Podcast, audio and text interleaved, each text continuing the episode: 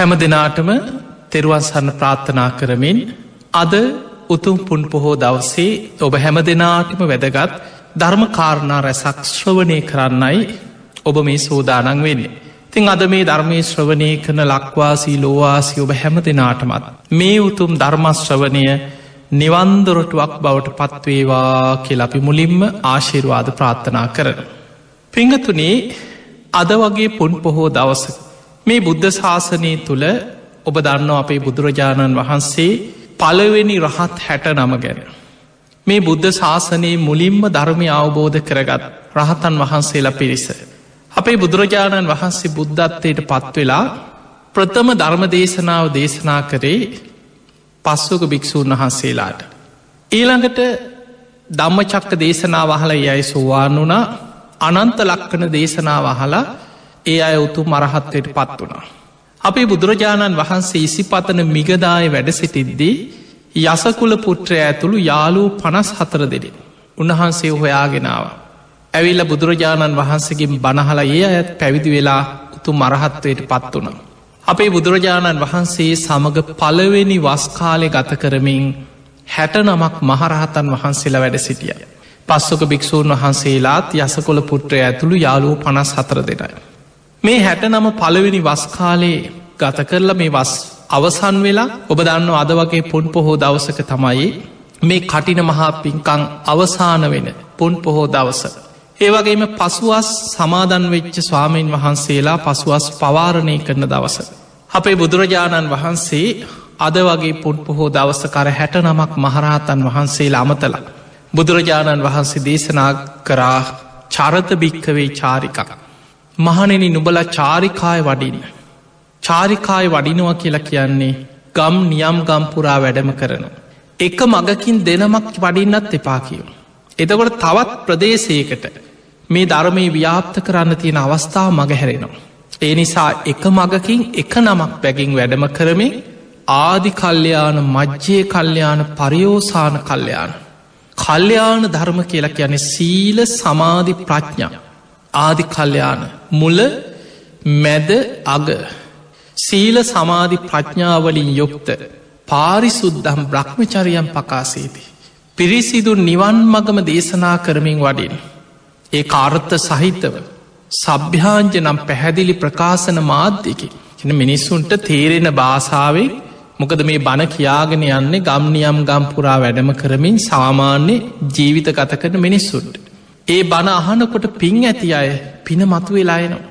බුද්ධ ශාසනය තුළ ධර්මාවබෝධය ලබන්න පින් ඇති අය මේ ලෝක ඉන්නවා. ඒ අයට මේ ධර්මය අහන්න නොලැබුණොත් අස්සවනතෝ දම්මස්ස පරිහායන්ති. ඒ අයට මේ ධර්මය අහන්න නොලැබුණොත් ඒ අයි පිරිහිලායන. ඒ නිසා ගම් නියම් ගම්පුරා වැඩම කරමින් මේ ධර්මය දේශනා කරන්න. ආදි කල්්‍යයාන මජ්්‍යයේ කල්්‍යයාන පරියෝසාන කල්්‍යයාන සාත්තං අර්ථ සහිතව සභ්‍යාංජනම් පැහැදිලි ප්‍රකාශන මාධ්‍යකි.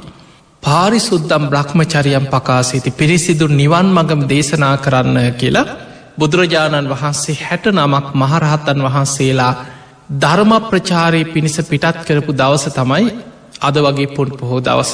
ඒවගේ පිංහතුනි ධර්මී සඳහන් වෙනවා බුදුරජාණන් වහන්සේ ඔය ගාථාව කියලා. භික්‍ෂූන් වහන්සේලා හැටනමට අවවාද අනුශාසනා කරලා ධර්ම ප්‍රචාරයේ පිණිස පිටත් කරන්න සූදානං වෙනකොට අහස ඉඳගෙන කෙනෙක් මෙන්න මෙහෙම කියනව ඇහෙන්න. ඒ වෙලාවෙ කියනවා නුබලා මිදුනා කියල හිතාගෙන හිටියට මගෙන්නම් මිදීමක් නෑ නුබලට. මේ අහසේ අන්තරීක්ෂයේ තියෙනවා උගුලක් අන්තලික්ක චරෝ පාසූ යායන් චරතිමානසෝ. තේනතුවම් භාද ඉස්සාමී නමේ සමන මොක්කසී. මේ අහසේ අන්තරීක්ෂයේ තියෙන උගුලක් ඒ උගුලෙන් නුබල සියලු දෙනාම මං අල්ලගෙන ඩැහැගෙනඉන්නේ පැඳගෙනඉන්නේ නුඹල මගෙන් ගැලවුනා කියලා හිතුවට නුඹලටනම් ගැලවීමක් නෑකිව. බුදුරජාණන් වහන්සේ අඳුන ගත්තා. කෞද මේ පාපී මාරය වසවත් මාරය. අහසේ ඉදම් මේ භික්‍ෂූන් වහන්සේලාට මේ එහෙම තියෙන උගුලක් කොහෙවත් තියෙන උගුලක් නෙමෙයි. අර භික්‍ෂූන් වහන්සේලා නොමග යවන්න පුළුවන්ද. මුලා කරන්න පුළුවන්ද. මේ අය මගේ මේ වචනයට අහුවයිද කියලා බලන්න අහසීදං ඔය ගාථාවක් ඔහොයි විදියට කියනවා. බුදුරජාණන් වහන්සේ පාපී මාරයට කෙනව පාපී මාරය නොබේ ඔය මහලොක උගුල නුඹල ඔය මිනිස්සුන් අල්ලගෙනන්න මේ කාමලෝක ඉන්න සත්වයන් අල්ලගෙනන්න උගුල තමයි රූපා සබ්දා ගන්ධා රසා පොට්ටබ් භාච මනෝරම. එත්ත මේ විගතෝ චන්දෝ නිහතෝතම සියන්තක. බුදුරජාණන් වහන්සේ වදාළ ඇහැට පේන රූප. ඔන්න නුඹට බැඳිලා යන නුබ අල්ලගෙන ඉන්න දේවල් කෙලෙස් ඇතිවන රූප. කනට ඇහෙන සබ්ද නාසීට දැනෙන ගඳසුවද. දිවට දැනෙන රස කයට දැනෙන පහස.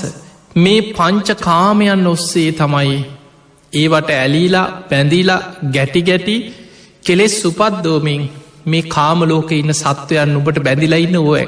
නමුත් මගේ මේ භික්‍ෂූන් වහන්සේලා මේ ශ්‍රාවකයෝ. ඒ ගැන තියෙන ඇල්ම ප්‍රහාණය කරලා තන්හාාව සම්පූර්ණයෙන් ප්‍රහාණය කරගත් අය. රූප සබ්ද ගන්ධ රස පහස කියන මේ පංචකාමයන්ට බැඳෙන අයනෙමේ. ඒ නිසා පාපී මාරය මගේ ශ්‍රාවකයෝ ගිය දිහාක්කත්. නුමට නං හොයාගන්න පුළුවන්කමක් නෑකි. ඒ කතාව කියනකොට මාව අඳුනගත්ත නේද කියලා පාපී මාරය අතුරු දහන් වෙලා යනවා. එදකොට අපිට පේනො මේ රහතන් වහන්සේලා පවා සමහර වෙලාවට නොමගේ යවන්න පුළුවන්ද කියලා උත්සාහ කරන්න. පාපී මාරය මේ වගේ නොයෙක් බොරු ප්‍රකාශ කරපු සිදුවන් ධර්මය තියෙන. ඉතිං අපේ බුදුරජාණන් වහන්සේ හැට නමක් භික්‍ෂූන් වහන්සේලා ධර්ම ප්‍රචාරයට පිටත් කරලා බුදුරජාණන් වහන්සේ වැඩම කරේ උරුවේල් දනව්වට. උන්වහන්සේ ඉසිපතන මිගදා ඉඳං ආපහු උරුවේල් දනව්වට වැඩම කරන්න. ඒ වැඩම කරන්නේ උරුවල් කාශ්‍යප නදී කාශ්‍යප ගයාකාශ්‍යප කියන මෙන්න මේ තුම්බෑ ජටිලයන් සමඟ. දාහක් දෙනෙක් ඉන්නවා නිවන් දකින්න පෙර පින තියෙන. කල්ප අනූදයකට පෙර මහා පින්කංකරපු රාජ කුමාරුරු තුන් දෙනෙ. ඒ පිනේ බලවත්කමත් එක්ක ඒවගේම ඒ අයට එදා එකතු වෙලා හිටපු ඒ පින්කංවලට උදව්පකාර කරපු පිරිස තමයි උරුවල් කාශ්‍යපත් එක්ක පන්සීයක් දෙෙනවා. නදී කාශපත් එක තුන්සීයක් දෙෙන. ගයා කාශපත් එක දෙසීයක් දෙනා ඉන්නවා. මේ අයට නිවන් දකින්න පින තියෙනවා. මහා කරුණා සමාපත්තියෙන් බුදුරජාණන් වහන්සේ මේක දකිනවා. දැකල බුදුරජාණන් වහන්සේ මේ අය හොයාගෙන ආපහු උරුවේ දරව්වට වැඩම කරනවා. ඔය යන ගමනෙ මගදි තමයි තිංස වගේ කුමාරවරු මුණගැහෙන්නේ.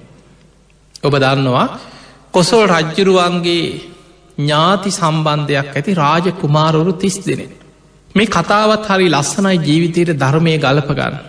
අපේ බුදුරජාණන් වහන්සේ වඩිනකොට උන්වහන්සේ දැක්කා පින තියෙන ධර්මාවබෝධයට පිනතියෙන රාජ කුමාරවරු පිරිසක් මුණ ගැහෙන.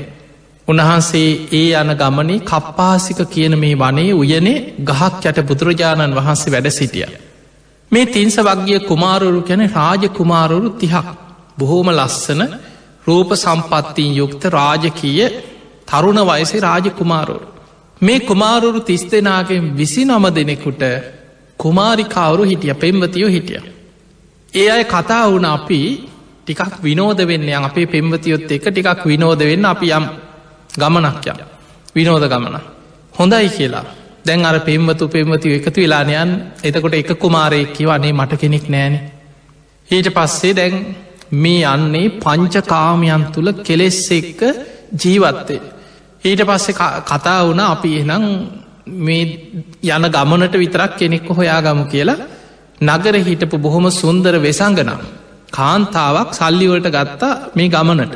එතකොට දැක් කුමාරුරු තිස් දෙනයි යර කුමාරිකාවරුයි දැම් මේ අයත් එක්ක ගියා ගිහි හිතින් දවස් ගානක් ඔය ඇවිදලා කාලා බීල විනෝද වෙලා පංචකාමයන් එක කෙලෙස් එක්ක රාගයක්ත් එක්ක මේ කාලෙ ගත කරලා ආපහු එනවා දැන් විනෝද වෙවී කට්ටියනවා. මෙහෙම එන්නකොට දැක්ක ලස්සන පොකුණක් තියෙනවා.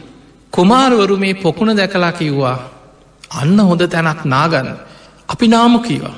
හොඳයි හොඳයි අපි නාම කියල දැන් කට්ටියම එක කුමාරිකාවරුත්ක අපිත් එනවා කියව. අර කුලියට ගත්ත ගෙනාකි වනේ මට බැනාන්න. ඔයාල බැහල නාන්න මං ඉන්නම් කිය. අර රාජ කුමාරුරු තිස් දෙනාම තමන්ගේ ආභරණ රාජකිය සලුපිලි වටිනා ආභරණ ගලවල.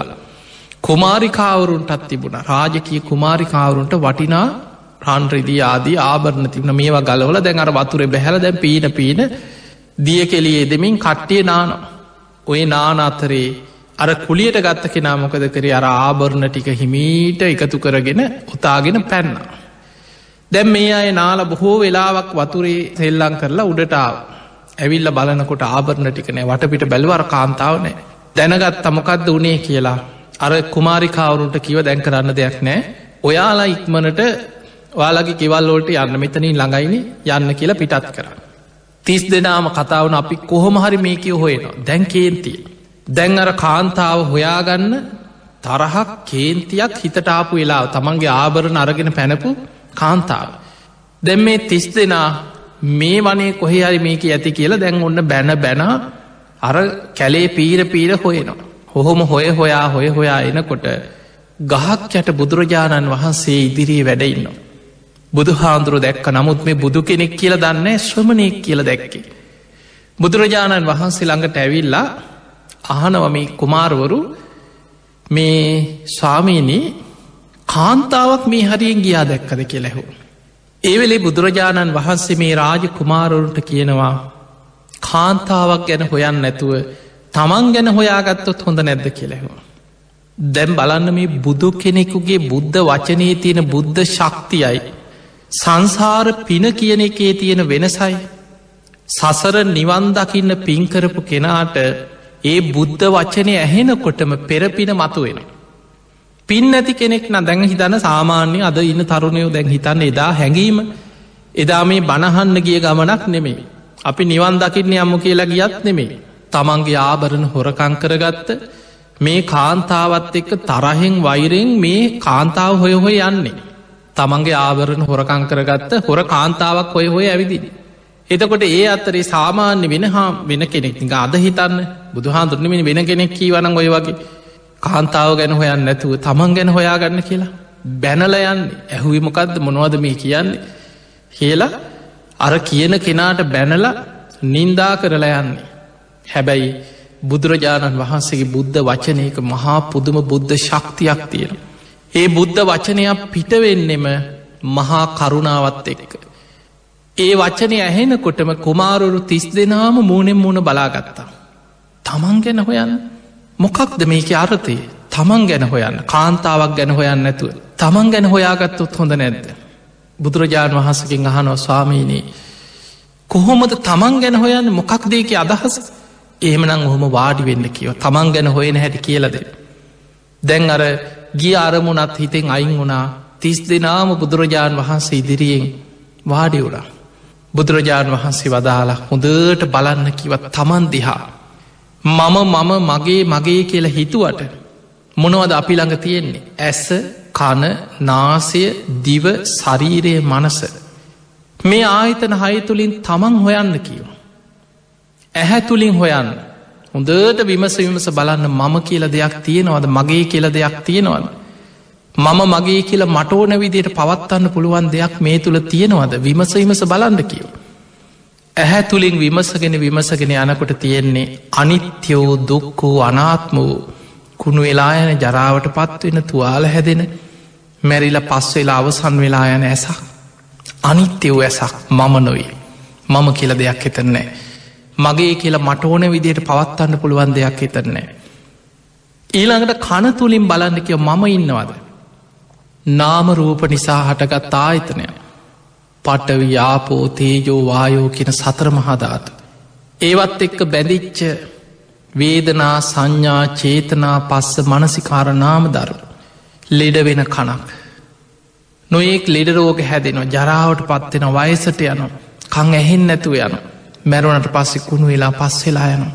මම මගේ කියලා මට ඕන විදියට පවත්වන්න බෑ. නාසේ තුළින් බලන්නකව මම ඉන්නවද. දිව තුළින් විමසල බලන්නක මම මගේ කියලා දෙයක් තියෙනවද.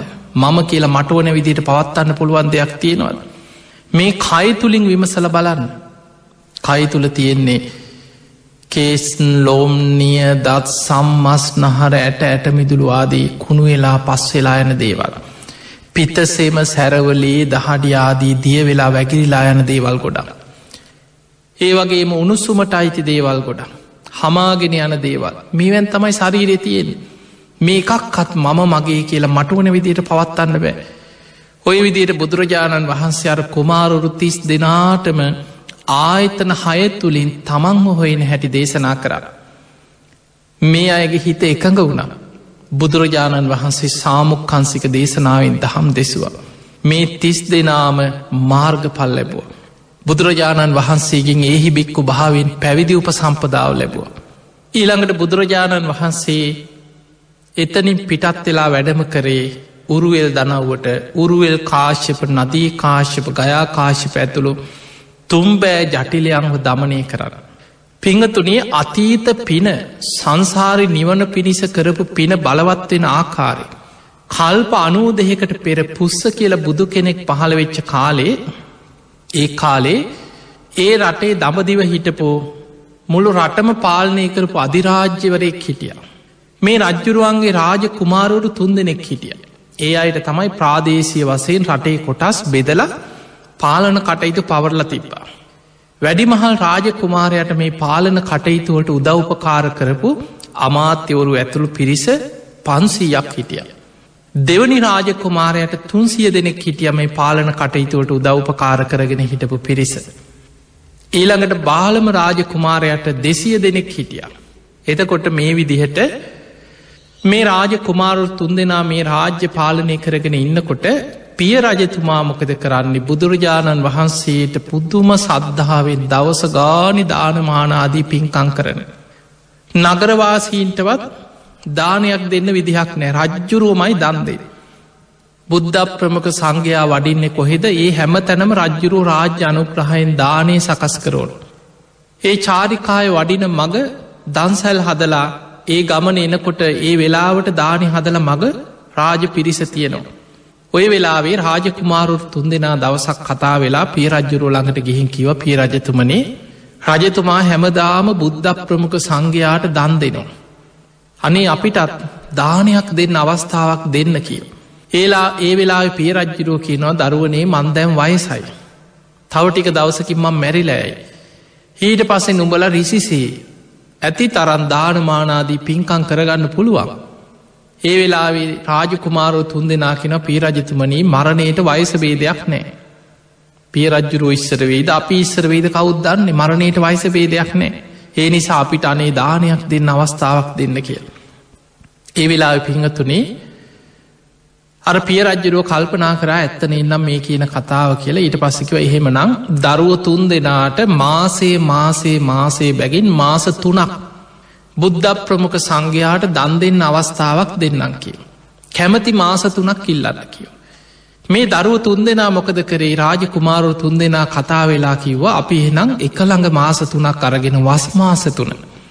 ඊළඟ වස්කාලෙනවා අපි වස්මාස තුනේ අපිට අවස්ථාව ඉල්ලගම. ඔන්න වස්මාස තුනේ දන් දෙන්න රාජකුමාරු තුන් දෙනා පියරජ්ජරුවන්ගෙනුත් අවසර අරගෙන බුද්ධ ප්‍රමුඛ සංඝයාට ආරාධනයක් කරන්න. ඒ ආරාධනය පිළිගර. පිළියරගෙන රාජකුමාරුරු තුන් දෙනා තමන්ගේ ඒ රාජ්‍ය තුනම මැදිවෙන විදිහට තියෙන රමණීය භූමියක් තෝරගෙන විශාල ආරාමයක් හැදුව. මේ ආරාමයට බහන්්ඩාගාර තුනේ මර රාජ කුමාරු තුන් දෙනාගෙම මේ රාජ්‍ය තුනේම ධනය යොදෝලා බුද්ධ ප්‍රමුඛ සංඝයාට අංග සම්පූර්ණ විශාල ආරාම සංකීර්ණයක් ඉදි කරන්න. ඊළඟ වස්කාල වෙනකොට කටයුතු ඔක්කොම අවසන් කර අයිදි කරලා. බුද්ධ ප්‍රමුඛ මහරහත්තන් වහන්සේලා මහා සංඝයා වඩම්මල මේ ආරාමි සඟ සතු කරල පූජා කරලා වස් ආරාධනා කරන්න. බුදුරජාණන් වහන්සේ මහරහතන් වහන්සේලා සමග මේ ආරාමි වස් සමාදන් වුණා. රාජකුමාරුරු තුන් දෙනා කල්පනා කර අපි කොච්චර අමාරුවෙන්ද පියරජ්ජුරුවන්ට කියල මේ දාන වේලක් ඉල්ල ගත්තේ. දැන් තාවත් අපි මේ මේ මාස තුනෙත් හොයි රාජ්‍ය පාලන කටයුතු කර කර හිටියොත් වෙන්නේ අපිට පින් කරගන්න තියෙන අවස්ථාව මග හැරෙනවා. අපිත් මේ මාස තුනේ දසසිල් සමාදන් වෙමි. අපි මේ ආරාමෙම අපිත් පැත්තක නතර වෙලා බුද්ධ ප්‍රමුඛ සංඝයාට අවශ්‍ය ඒ සියලු සිව් පස පහසුකං ඇපහු පස්ථාන කිරින් අපේ අතිම්ම කරමු. රාජකුමාරුරු තුන් දෙනාම එකඟ වෙලා දසසිල් සමාදන් වුණා. අර අමාත්‍යවරු පිරිසත් විටිං විට එකට එකතු වුණා ඒ අයි සහය වුණා රාජ්‍ය පාලන කටයුතු පවත්තගෙන යන. ඔය විදිහට වස්මාස තුනේම බුද්ධ ප්‍රමුඛ මහරහතන් වහන්සේ එලාට මේ රාජකුමාරු තුන් දෙෙන යර අමාත්‍යවරු පිරිසයි යොදෝගෙන බොහෝම සද්ධහා ගෞරුවෙන් ඇප උපස්ථාන කර. ඒ ඇප උපස්ථාන කරලා වස් පවාරණය කරලා බොහෝ පින්කන් සිදු කර. ඒ පින්කං කල ප්‍රාර්ථනා කරන්නේ අපිට අනාගත බුද්ධ ශාසනයක නිවන්න අවබෝධ කරගන්න ලැබේවා. අර අමාත්‍යවරුත් ඒ විදිහටම ප්‍රාර්ථනා කර අපටත් මේ රාජ කුමාරුරු එක්ක එකටම අනාගත බුද්ධ ශාසනයක නිවන් අවබෝධ කරගන්න ලැබේවා කියල ප්‍රාර්ථනාවක් කර. මේ කල්ප අනූ දෙකට පෙර. මේ අය සතරාපායිට නම් වැටුන්නෑ කෙන කල්ප අනූ දෙක පුරාවටම එදාර කරපු මහා පින්කං වල අනුභාවෙන්. දෙව්ලොව ඉපදුනා බඹලව ඉපදුනා මනුලව ඉපදුනා මේ විදිහට සුගති සහිත ලෝකවලම ඉපදමින් ඇවිල්ලා අපේ බුදුරජාණන් වහන්සේ පහළ වෙච්ච කාලේ මේ තුන් දෙනා සහෝදරුරු තුන් දෙනෙන. උරුවෙල් කාශ්‍යප නදී කාශ්‍යප කයා කාශ්‍ය පැත්තියට සහෝදරුරු තුන් දෙනෙක් හැටියට ඉපතුන. මේ තුන් දෙනාම තරුණ කාල එනකොට විමුක්තිය හොයාගෙන යමු කියලා අවසර අරගෙන ගිහිල්ල තාපස පැවිද්දෙන් පැවිදිවුණ. තවස් ගුණධර්ම පුරනවා. මෙහෙම කරගෙන භාවනත් කරලා සමාධිය පැත්ත වඩාගත්. එතකොට පිරිසකට අනුශාසනා කරනකොට අර පෙර සංසාර පින තියෙන පිරිසම දිවිය ලෝකෙන් ඇවිල්ල මේ අයටම එකතුුණ. උරුවල් කාශපත් එක්ක පන්සීයක් දෙෙන. නදී කාශපත් එක තුන්සියක් ගයාකාශපත් එක දෙසිය දැ මේ තුන් දෙනාම ආරාම තුනක් හදාගෙන තමන්ගේ පිරිසට අනුශාසනා කරමින් තාපස පැවිද්දේ තවස් දම් පුරමින් හිටිය. ඒ කාල පිංහතුනි දැන් ඔබ දන්නවා බුද්ධ ශාසනයෙන් පරිබාහිර භාවනා ක්‍රම තිබිලතියෙන හැබැයි නිවන් දකින මගක් නෑ. අපේ බුදුහාන්දුරු බුදුවෙන්නත් පෙර ආලාර කාලාම. උද්ධක රාමපු තරූප දෙහානවලටම හිත වඩපුයි. ඊළඟට ඔබහල ඇති අසිත තාපසයක්. මනෝමේ ශරීරයෙන් දිවියලෝකට යනවා කියන දවල් කාලි ගත කරන්න. එහෙම භාවනා කළ හිත වඩපුයි මහා පින්වන්තයි ඒ කාලින් දලතිී. හැබැයි මේ අයි හිටිය මිත්‍යා දෘෂ්ටිකාදහස්සල භාවනා කරාට මොකද සම්මාධිත්‍යය දියුණු කරගෙන සම්මාධිත්‍යයක් තුළ හිටියන්නෙම මේ තවස් දම් පුරනවා තාපස ජීවිතය හරී කියල හිතාගෙන ඉන්න. ඔය අතරේ උරුවල් කාශ්‍යප නදී කාශප ගයා කාශම මේ අයි හිතාගෙන හිටිය භාවනා කරලා. තමන්ට යම් හිතේ එකඟතාවයක් ඇතිවෙන්නකොට තමන් රහත් වනා කියලා දෘෂ්ටියකටාව. භයානකම දෘෂ්ටියක්. රහත් නොවී රහත් වෙනවා කියලා බැරදි දෘෂ්ටියකට එනවා කියලා කියන්න භයානකම දෘෂ්ටිය. ඒකාය අතහරින්න ලේසි නෑ. අපේ බුදුරජාණන් වහන්සේ උරුවල් කාශ්‍යපගේ තාපසාරාමයට තමයි වැඩම කර. ඒ වැඩම කරපු දවසේ දැ බුදු හාමුදුරු ප්‍රාතිහාරය පාගෙනාවන මේ උන්වහන්සේ සාම්දැන් තනියමන වඩිනි අර හැට නමක් ධර්මප්‍රචාරිට පිටත් කරලා මේ වඩින ගමනි තනියම් බුදු හාන්දුරු වැඩි. දැන් අර උරුවල් කාශ්‍යපගේ ගෝලයෝ දැක්ක ශ්‍රමණයන් වහන්සේ නමක් එනවා. ගිහිල්ලා කතා බහ කරලා බුදුරජාණන් වහන්ස කිව මට දවස් කීපයක් නවාතැන් ගන්න පුළුවන්ද මේ ස්ථාන. ඒ වෙලා මේ අය කතා වෙලා උරුවල් කාශපත් දැනුවත් කරල ඇවිල්ල කිව්වා අපිට නං ඉඩ නෑ මේ දවස්වල අපේ ආරාමි තියෙන කුටි සෙනසුන් ඔක්කෝම කට්ටිය දැම් පිරිලයින්න.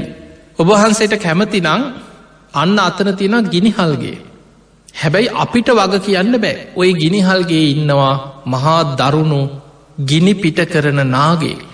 මේ නාගයගෙන් අනතුරක් වුණොත් අපිට නම් වග කියන්න බෑ කැමතිනම් ඔන්න ඉන්න පුළුවන් කිය. බුදුරජාණන් වහන්සේ වදලා ආයතන මට හොඳයි කියලා ගිනිහල්ගේ බුදුරජාණන් වහන්සේ දා අතරව. දැම් මේ තාපසවරු අනිත් අය කතා වුණා මෝඩ ශ්‍රමණි මේ නාගේ අද කිපුණොත් නං ආ ඉතුරු වෙන්න අලු වෙලා පිච්චිලාමයයි. ඔහොම කතා වුණ. දැන් එදා බුදුරජාණන් වහන්සේ ඔය ගිනිහල්ගේ වැඩ ඉන්නකොට රාත්‍රී අරනාගයා බුදුරජාණන් වහන්සේ දැකලා කිපිලා උන්වහන්සේ දෙසට ගිනි ජාලාවක් පිට කර. ඒවෙලේ බුදුරජාණන් වහන්සේ තේජෝ කසිනට සමෝඇදිලා විශාල ගිනි ජාලාවක් සරීරයෙන් නිකුත් කර මේ නාගයක් දමනය වුණා. එතකොට අපිට පේනවා මේ නාගය කියන්න මේ අපි දකින නාගෙක් නොයි. අපි දකින මේ තිරිසල්ලෝක ඉන්න නාගෙක් නොයි. මේ නාග වර්ග ගොඩාක් එන දේශනාවල තින අපි හැට නොපෙනෙන නාග වර්ගඉන්න. නාගලෝක නාගවයි. එතකොට ඒ වගේ නොයෙක් නාගවර්ග ගැන සඳහන් නොදැන්ව නාගලෝක කියල වෙනම ලෝකයක් ගැන සඳහන් වෙනවා. මහා සාගරය ඇසුරු කරගත්ත නාග විමාන ගැන සඳහන් වෙනවා. ඒ අපට පේන දේවල් නෙමෙයි. එදකොට මේ නාගයා අවසානි බුදුරජාණන් වහන්සේ දමනය කරා. දැන් රාත්‍රී පේනවාර බුදුහාන්දුරුවෝ තේජෝ කසෙන්ට සම්වැදිලා ගිනි ජාලාවක් බුදු සිරුරෙන් පිට කරනකොට ඈතට මේ ගිනි ජාලාව පේනකොට මේ අය කතා වුණා අපි කිව්ව කියපු දේ මේ ශ්‍රමණය ඇහුවෙන ඔන්න හෙට උදේ අපිට අලුටික විතරයි හොයාගන්න තියෙන්නේ මෝඩ ශ්‍රමණයක් එක හිටිය උදේ පාන්දර එලිය වැටෙනකොට කට්ටියම ගියා බලන්න මොකද වෙලා තියෙන්නේ කියල. බුදුරජාණන් වහන්සේ සිවුරු පාත්තර අරගෙන ගිනිහල්ගෙන් එලියට වැඩම කර. පින්ඩ පාතය වඩින උදේ පාන්දර. වැඩම කරලා පාත්තරයට අතදාල අර නාගය අරගෙන බිමින් තිබ්බා. මේ නාගයා බුදුරජාණන් වහන්සේ දෙසට හැරිලා ගෞරව කරලා ඇදිලා කිය. මේ පිරිස දැකලා පුදුමෙන් පුදුමයට පත් වනා මේ ශ්‍රමණය මහ පුදුම කෙනෙක්නේ. මේ ශ්‍රමණය මහා ඉරතිමතෙක්නේ. ඒ වනාට ඉතින් අපේ උරුවල් කාශ පුත්තමය වගේ රහතෙක් නන්නේ මේ කියලා අය හිතුන.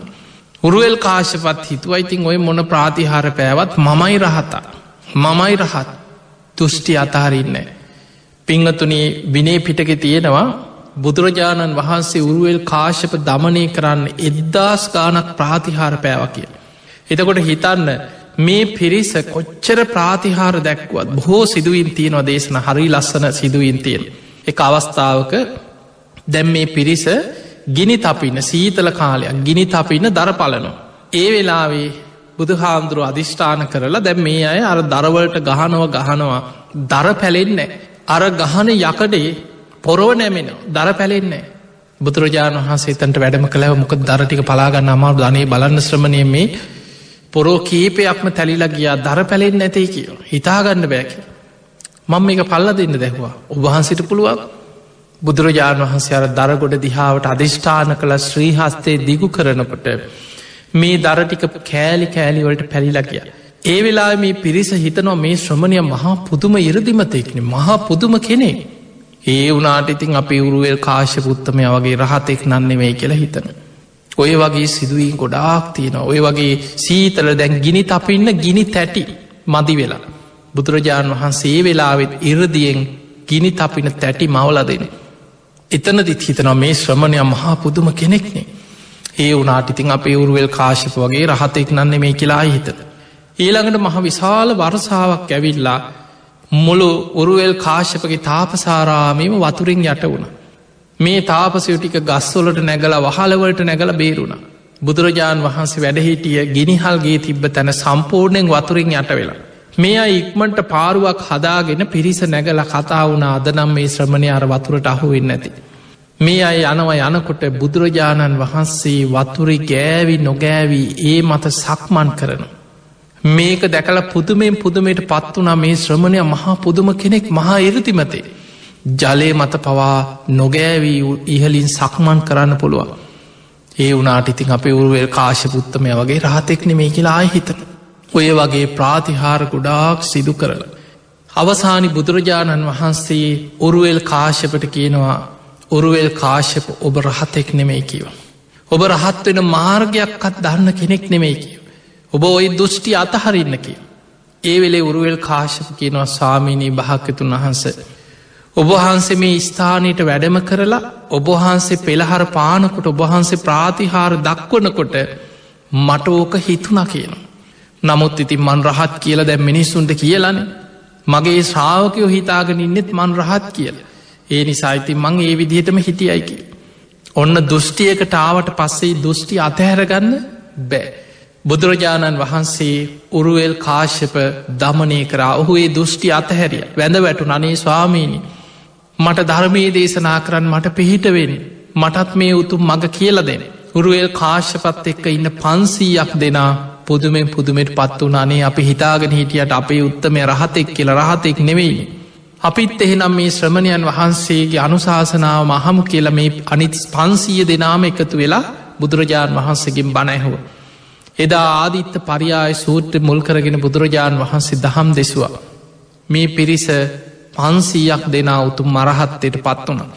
ඊට පස්ස මේ අයගේ තවස් පිරිකර මේ අය ගඟට වීසි කරා කෙස් කපල අර තාපස පිරිකර මේවා ගඟට විසි කරනකොට මේවා ගඟේ ගහගෙන යන්නකොට ඒ ගඟේම ටිකදුරක් යන්නකොට නදී කාශ්‍යපගේ ආරාමි තියෙන. මේ අය මේවා දැක් තවත් එහාට යනකොට ගයා කාශ්‍යපගි තැන ඒ අයත් දැකලා කතා වුණා මේ ඔක්කොම අපි අර වැඩි මහල් සහෝදරයගේ තාපසාරාමි තිප තවස් පිරිකරනේද මේ ගගේ ගහගෙන යන. අනතුරක් අද දන්නේ අපි යන් කියලා එනකොට මේ ඔක්කොම් බුදු හාන්දුරන්ගේ ශ්‍රාවකය වෙලා. නදේ කාශ පැතුළු තුන්සීයක් දෙනා ගයා කාශ පැතුළු දෙසීයක් දෙනම් මේ අයත් බනහල ධර්මය අවබෝධ කරා. ආදිත්ත පරියාය සූත්‍රෙම බනැහුයි. දාහක් දෙනා උතුම් මරහත්වයට පත් වනා අර පෙර කල්ප අනූදහකට පෙර බුද්ධ ශාසනයේ බුද්ධ ප්‍රමුඛ සංඝයාට වස්මාස තුනේම ඇප උපස්ථාන කරලා වස් ආරාධනා කළ ආරාමයක් හදල පූජ කරලා උතුම් සීලාදී ගුණධර්ම රැකගෙන උතුම් සීලේක සමාදං වෙලා ගුණපුරපු පින ඒ පිරිසට මවරුවල් කාශ්‍යප නදී කාශ්‍යප ගයාකාශ්‍ය පැතුළු දාහක් දෙනාට මේ ගෞතම බුද්ධ ශාසනයෙන් නිමන් දකිින් අවස්ථාව ලැබුණ. ඊළඟට පිංහතුනි මේ පිනේ ස්වභාවයක් එක්ක තමයි බුදු කෙනෙක් ඒ පුද්ගලයා හොයාගෙන යන්නේ. ඔබ දන්නවා බුදුරජාණන් වහන්සේ උදෑසනින් දොළොස් කෝටි ලක්ෂවාරයක් මහා කරුණා සමාපත්තියට සම්වාදින. ගන්ධකුටිය ඉදන් දස දහසක් ලෝක ධාතුවට බුදු ඇස විහිදන කාට දද මං පිහිටවෙන. කවුද අද දවස මේ ධර්මය අවබෝධ කරන පින්වන්තමයි කියලා බුදුවැසින් බලන. එහෙම බලල බුදුරජාණන් වහන්සේ අය හොයාගෙන යුදුම් ගණන් හරි වැඩම කර. ඊළඟට හවස්වරුවත් බුදුරජාණන් වහන්සේ දොළොස් කෝටි ලක්ෂවාරයක් මහා කරුණා සමාපත්තිට සම්වදින. අර වගේම ගන්ධකුටියි නම් දස දහසක් ලෝක දහතුවට බුදු ඇස විහිදෝනු. කවුද අද දවසි ධර්මාවබෝධය ලබන පින්වන්තමය කියල බුදුවැසින් බලනවා. ඒ අයි හොයාගිර බුදුරජාණන් වහන්සේ වැඩම කරලා ඒ අයට මේ ධර්මය දේශනා කරන. පිංහතුනේ බලන්න පෙර සසර පින තිබ්බ නිසයි බුදුරජාණන් වහන්සේ උරුවල් කාශ්ි පැතුළු පිරිස හොයාගෙන ගිහිල්ල. කොච්චර ප්‍රාතිහාර පෑවද කියලා හිතර. දැ වෙන කෙනෙක් නම් බුදු හාන්දුරුවනේ මේ සාමාන්‍ය කෙනෙක් නම්. එක පාරක් දෙපාරක් තුම් පාරක් කියයි සමහරු කියනොන අපි එක පාරයි දෙපාරයි තුම් පාරයි පිළිගන්න ඇත්නම් ඉතින් ආයිමොකටද. ඕන්නෙම නෑ කියලා හිත නොනේ සමහර අනුශාසනා කරනවා කරුණු කියන ඕක කරන්න එපා කියන මේකයි හරි කියනවා. නමුත් පිළිගන්නම කැමති නැත්නම් අතහැල්ල දානවා. හැබැයි බුදුරජාණන් වහන්සේ එහෙම අතහැරියනෑ. ඔවුන් තමන්ගේ රහත් දුෘෂ්ටියේම ඉඳගෙන ධර්මය පිළි නොගෙන හිටියත් බුදුහාමුදුරු ප්‍රාතිහාර පාලා බොහෝ ප්‍රාතිහාර දක්වල. කොහොම හරි මේ පිරිස කාලයක් බුදුහාන්දුර වැඩ ඉඳල දමනී කරගත්ත. ඒ මොකද පෙර සසර පින තියෙන නිසා. පෙර පින තියෙන කෙනාව ඒකයි ධර්මය සඳහන් වෙන්නේ පුබ්බේච කතපුඥතා. පෙර පින් ඇති බව ඉතාම වැදගත් දෙයක් මේ ධර්මාවබෝධය පිණිස. එනිසා පිංහතුනි මේ ලැබිච්ච මනුස්ස ජීවිතය තුළ පුළුවන් තරම් පින්කරගන්න දක්ෂවෙන. පින් කරන්න පුළුවන් තරම්. ඒ කරන හැම පිනකම එකම අරමුණක් තියාගන්න. මේ රැස් කරන සියලු පින් මට නිවන්න අවබෝධයට පාරමිතාවක් වේවා. මේ පින මට ධර්මාවබෝධයට මාශිර්වාදයක් වේවා. මේ රැස් කරන පිනෙන් මට නිවන්න අවබෝධ කරගන්න ලැබේවා. ඒ අධිෂ්ඨානයෙන් ඒ අරමුණින් ඒකට ධර්මය කියන නිස්සරණ අභ්‍යාසින් පින් කරනවා කිය. නිවන අරමුණු කරගෙන පින් කරන්න. ඒ පින ඔබව පාරමිතාවක් හැටියට නිවන කරාරගෙන යනවා. පිංහතුනි පින තියෙන කෙනා බුදු ඇසට කොහේ හිටියත් යොමුුවෙන. යොදුම් ගනම් බුදුරජාණන් වහන්සේ ඒ අය හොයාගෙන වැඩම කරලා ධර්මී දේශනා කළ ඒ අයට නිවන් මඟ පාදල දෙනවා. ඒ අයව ධර්මාවබෝධය ලබල දෙනවා. ඇයි පෙර පින තියෙන අයි නිවන් අවබෝධය අරමුණු කරගෙන සසර පින් කරගත්තායි. පින නැති කෙනෙක් වේල් දැන් උබහල ඇති වේල් වනයට එහා පැත්ති හිටියර චුන්ද සූකටික. ඊළඟට ජේත වනේ අසල හිටියල්. ඒ ළඟ පේනමාන හිටියත් සසර පින නැත්නම්. නිවන් අවබෝධයට පින් කරලා නැත්නම්. ඒ අයට බුදු ඇසට යොමුුවෙන්න්නෙත් නෑ බුදු හාමුදුරන්ට ඒ අයි හොයාගෙන යන්න සිත් පහල වෙන්නෙත් නෑ දන්නවා වැඩක් නෑ ධර්මාවබෝධයට පින නෑ. ඒ අයට නිකංවත් දැන් අර ඔබ හිතන්න වේලු වනාරාමයට අල්ලපු ඇටේ හිටපු චුන්දසූකරික. වේලු වනේ හදල පූජ කරේ බිම්බිසා රජ්ජුරු. බිම්බිසා රජ්ජුරු බුදුහාන්දුරන්ගෙන් බණහල සෝවාන් වනා. බොහෝ භික්‍ෂූන් වහන්සේලා සමඟ බුදුරජාණන් වහන්සේ බුදුවෙච්ච මුල්ම කාලෙ වැඩහිටිය වේලුවනේ පළවෙනි ආරාමි බුද්ධ ශාසනයට ලැබිච්ච. එදකොට බොහෝ පිරිස බණහන් එනවා රාජකය පිරිසෙනවා මිනිස්සු බණහල ධර්මය අවබෝධ කරගන්න දැන් අර අල්ලපු ඇට ඉන්න මනුසයට නිකං හර හිතෙන්නේ පැ අනේ මමත් ගිහිම් බලන්න ඕනේ මේ රජ්ජුරුවොත් එෙනවා බොහෝ පිරිසෙනවා බණහනවා උන්හන්සේලා මේ ළඟන ඉන්න මාත් ගිහිල පොඩ්ඩක් බණටිකක් අහන්න ඕනි ගිහිල මුණ ගැහෙන්න ඕන මාත් අනුශාසනාවක් ශ්‍රවණය කරන්න ඕන කවදාවත් හිතක් පහළ උන්නේ. මැරෙන්න්න වැටෙනකම්ම ඒ සිත පහළ උන්නේ. ඒකට හේතුව සසර පින නැතිකම. ඒ නිසා පින්වතුනි සංසාර පින කියන එක පුබ්බේච කතපුඥතා. ධර්මාවබෝධය අරමුණු කරගෙන සසර පින් කරනවා කියලා කැන විශාල් පින. පිනාතර අග්‍ර පිනක් තමයි මේ ධර්මදානමය පින. කෙනෙක් දායකත්වයක් දරල තව පිරිසකට තවත් බොහෝ පිරිසකට බුදු කෙනෙක්ගේ බණපදයක් අහන්න සලස්සනවා කියලා කෙන පිනාතර අග්‍රම පිනා. සබ්බ දහනන් ධම්මදානන් ජිනාති. පිංහතුනි බුදුරජාණන් වහන්සේ දේශනා කරනවා ඒ කස්මින් බ්‍රහ්ම චරියස්මෙන් සහස්සම් මච්චු බාහිනා. බුදු කෙනෙකුගේ එක බණපදයක මරු පරදවන රහතුන් ලක්ස ගණන් පහල කරන්න පුළුවන් ශක්තිය මේ බුද්ධ ශාසනය එක බණපදයක තියෙන. ඒ නිසා මතකතියාගන්න බුදු කෙනෙක්ගේ බුද්ධ වචනයක වටිනාක මේ බුද්ධ වචනය ඇහෙනකං කොච්චර පින තිබ්බත්. දැඟ බහල ඇති සාරිපුත්ත මහරහත්තන් වහන්සේ. උන්වහස පිරිනිවන් පෑවෙත් අද වගේ පුන් පොහෝ දවසක. සාරිපුත්ත මහරහත්තන් වහන්සේ. ගිහි නම තමයි උපතිස්ස. මේ යාළුව තමයි කෝලිත. දැ මේ යාලුව දෙන්න එකතු වෙලා ගිහිල සංජය කියන පරිබ්‍රාජකයාගේ ආරාමයට ගිහිල්ලා බොහෝ කාලයක් තින ඔයි තවස්දම් පොරපුර හිටිය. සංජය කියනේ වහගෙන වැදගෙන කාලයක් හිටියා.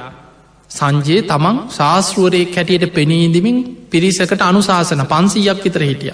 කාලයක් අහගෙන හිටිය කිසිම ගුණධර්මයක් වැඩෙන්නේ. ඊට පස මේ දෙන්න කතා වුණා අපි හොයාගෙන යන විමුක්තිය නම් මෙතන නෑ.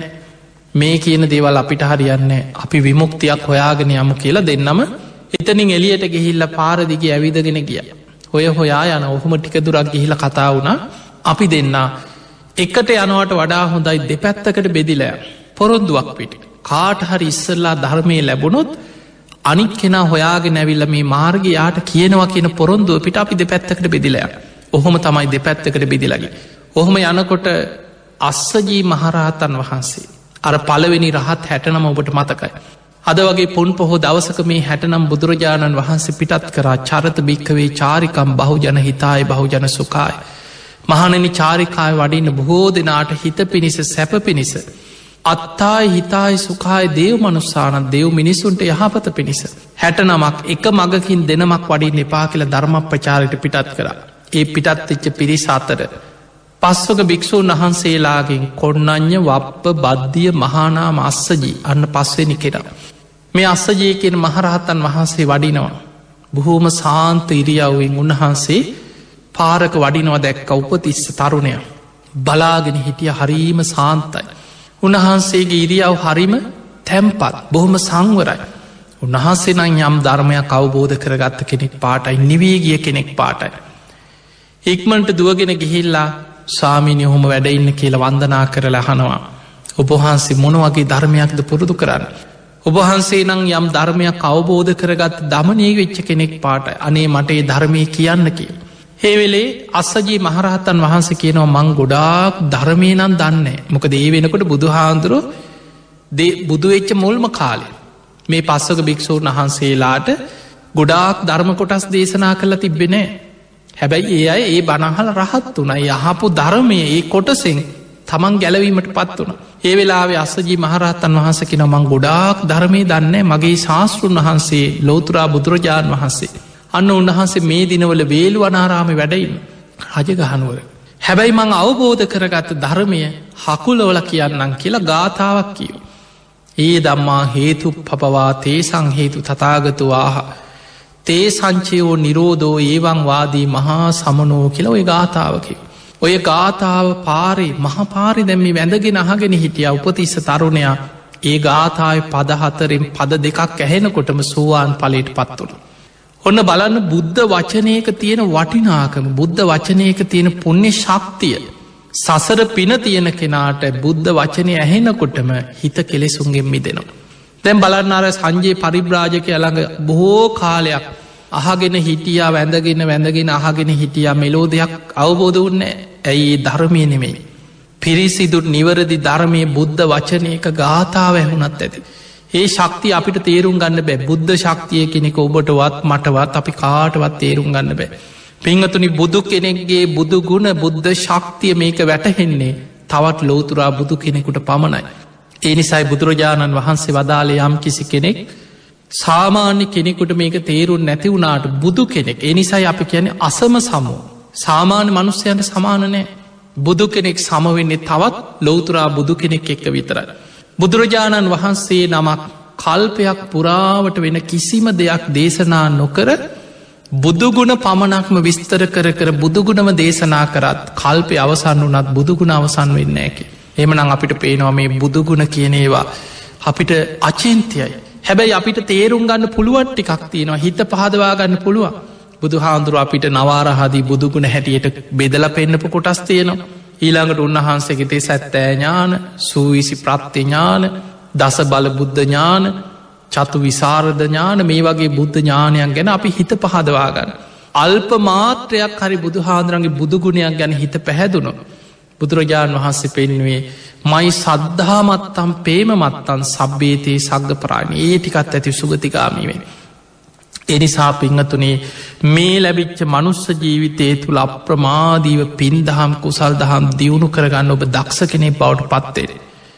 මේ මනුස්ස ජීවිතයේ කවදා කොතන කොයි මොහොතේ අවසන් වීදකි අපි කාටවත් කියන්න පුළුවන්කමක් නෑ. ඒ නිසා අප්‍රමාදීවෙන. අප්‍රමාධීවතුම් ධර්මය අවබෝධ කරගන්න මහන්සි ගන්න ඉතින් අද වගේ පොන් පොහෝ දවසක. ඒ උතුම් සාරිපුත්ත මහරහතන් වහන්සේ මේ බුද්ධ ශාසනය වැඩහිටිය ධර්ම සේනාධිපතින් වහන්සේ.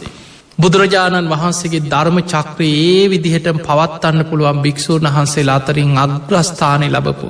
ප්‍රඥාවන්තයන්ගෙන් අගතැම්පත් ඒකා සංකයේ කල්පලක්ෂයක් පාරමී සම්පූර්ණ කරලා උතුම් මග්‍රශ්‍රාවක පදවයට පත්වෙච්ච උතුම් සාරිපුත්තයන් වහන්සේ තමන්ගේ බුදුරජාණන් වහන්සකින් අවසර අරගෙන ආයුෂ අවසන් වනාට පස්සේ තමන්ගේ නිවසටම වැඩම කරලා අනුපාදිශේෂ පරිනිර්වාණ දහත්වෙන් පිරිනිවන් පෑවේ අද වගේ දවසක. සාරිපුත්ත මහරහතන් වහන්සේ පිරිනිවන් පාන්නේ අද වගේ දවසක. පිංහතුනේ බුදුරජාණන් වහන්සේ මේ බුද්ධ ශාසනය තුළ මහා පින් ඇති අයට මඟ පෙන්නල දුන්න. එක ගාථාවනුත් මහා පින් ඇති අය මේ ධර්මය අවබෝධ කර. බුදුරජාණන් වහන්සේ පින් ඇති අය හොයාගෙන ගිහිලා ධර්මය කියල දුන්න. ඒ නිසා මේ බුද්ධ ශාසනය තුළ පුළුවන් තරම් පින් කරන්න. ධර්මාවබෝධය අරමුණු කරගෙන පින් කරන්න. කුසල් වඩන්න. සීලාදී ගුණධර්ම තමන්ගේ ජීවිතය තුළ ඇති කරගන්න. දන් දෙන්න පුළුවන් තරං අතහැරීම තියාග සම්පත්තිය පුරුදු කරන්න. තමන්ගේ ජීවිතය තුළ පුළුවන් තරම් බණභාවනාදී කටයුතුවලට යොමුුවෙන. ඔබ පුළුවන් තරම් මේ බුද්ධ ශාසනයෙන් ප්‍රයෝජනයක් ගන්න මහන්සි ගන්න මොකද මනුස්ස ජීවිතය අපි දන්න නෑ කවදක් ඔත්තන කොයි මොහොතේ අපිට අවසන් වෙයිද. ඒ නිසා ඔබ හැම දෙනාටමත් මේ මනුස්ස ජීවිතය අවසන් වෙන්න පෙර සද්ධහාදී ගුණ ධර්ම දියුණු කරගෙන. උතුම් වූ ධර්මය අවබෝධ කරගන්න වාසනාව ලැබේවා ලැබේවා ලැබේවා කියලපි ආශිර්වාද ප්‍රාර්ථනා කරනවා.